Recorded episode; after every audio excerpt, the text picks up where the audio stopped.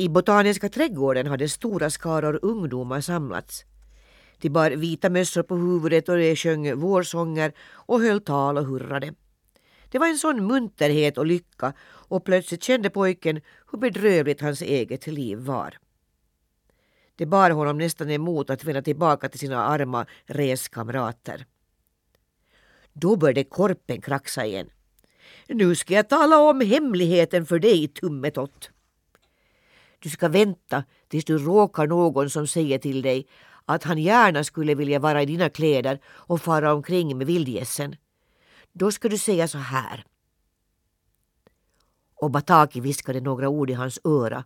Ord som var så starka och farliga att det bara kunde sägas högt om man ville bruka dem på fullt allvar. Ja, det här lär aldrig komma till användning, sa pojken. Hjälp mig istället att hitta lite mat. Jag är så rysligt hungrig.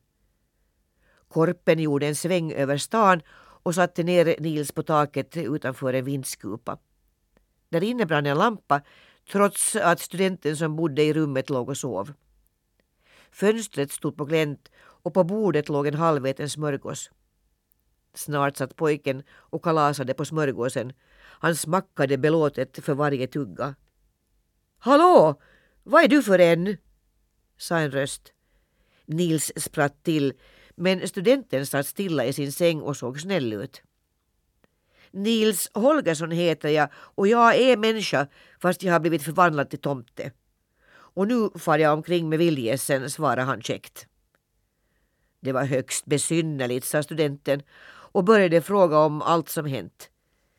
Till slut sa han Tänk den som ändå vore i dina kläder och fick fara bort från alla bekymmer.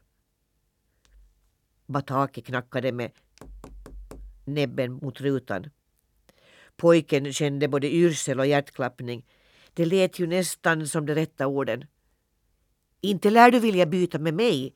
En student vill väl inte vara någonting annat.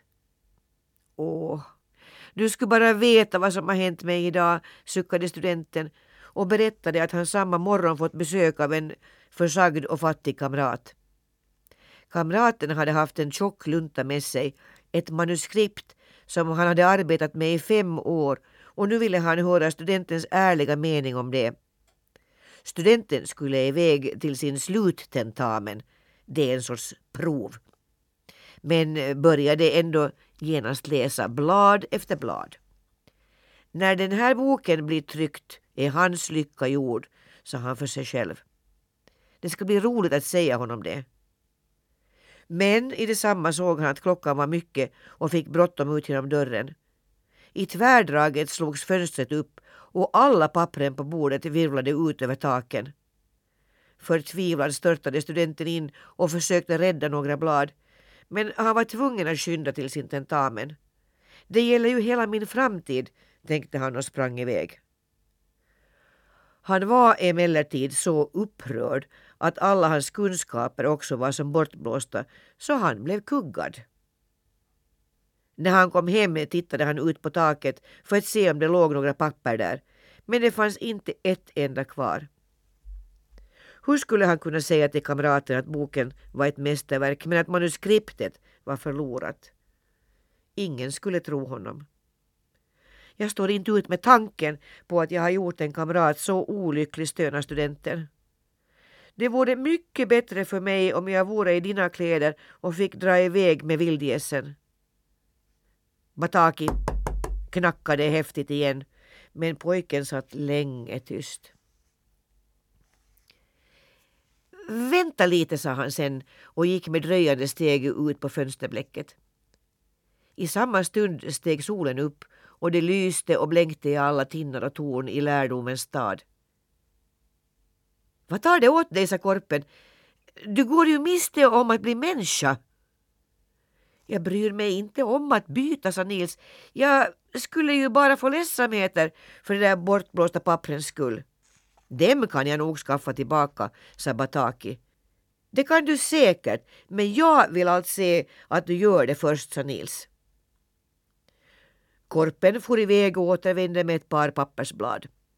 En hel timme for han fram och tillbaka med nya ark i näbben. Nu tror jag jag har dem allihop, flämtade han till sist och såg i detsamma att studenten redan stod och ordnade pappren. Pojken betraktade också den lyckliga studenten. Tack, Pataki. Jag förstår att du ville sätta mig på prov. Du tänkte nog att jag skulle låta Mårten sköta sig ensam på den här svåra resan så snart jag kunde få det bra själv. Men när studenten berättade sin historia kom jag att tänka på hur fult det var att svika en kamrat. Så det vill jag inte göra. Bataki krafsade sig i nacken och såg förlägen ut. Sedan flög det raka vägen över domkyrkan tillbaka till gässen. Dunfin kände igen sig redan här vid Mälaren. Längre ute i havsbandet bodde hennes föräldrar på en holme och nu bad hon vildgässen så vackert att det skulle fara till hennes hem så att hon fick visa sin familj att hon var vid liv. Ingen kunde vara mera mild och god än den här lilla grågåsen. När hon ber om något kan inte ens Akka säga nej, sa Mårten. Och det skulle ju bara fördröja resan med en enda dag. Det bröt upp och flög mot öster över Mälaren.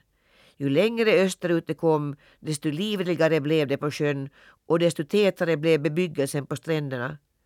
Pojken satt och såg ner på alla lustiga villor då Dunfin gav till ett rop. Där ligger staden som eh, simmar på vattnet. Nu känner jag igen mig. Nils såg först inte annat än dimmor men här och var stack det upp några tornspiror. När det kom närmare lättade dimmorna och han skymtade tak och gavlar och hus med många fönsterrader. Han förstod att det var en stor stad han for över. Den såg nästan förtrollad ut i de kringvälvande töcken som fick färg av morgonsolens sken.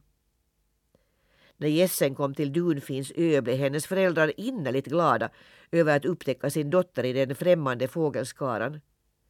Vildgässen blev så väl emottagna att de beslöt att stanna över natten. Nästa morgon låg pojken fortfarande och sov bland gässen när han hörde Dunfin ropa Tummetott! Tummetott! Mårten Gårdskar blir riven av en örn! Blixtsnabbt kastade sig Nils upp på Dunfins rygg. Det fann Mårten i full strid med en kungsörn. Han var blodig och tilltufsad, men ännu kämpade han tappert. Pojken förstod att han själv ingenting kunde göra. Här behövdes det bättre hjälp. Fort Dunfin! Kalla hit Akka och vildgässen!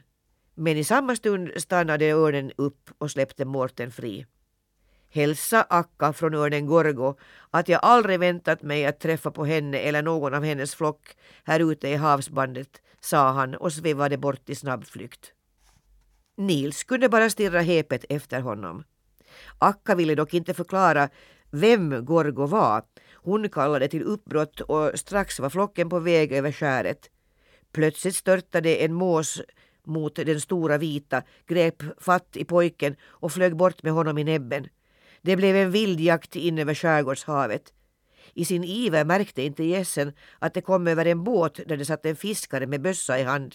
Han fyrade av ett skott och i samma ögonblick öppnade måsen näbben och lät pojken falla ner i havet.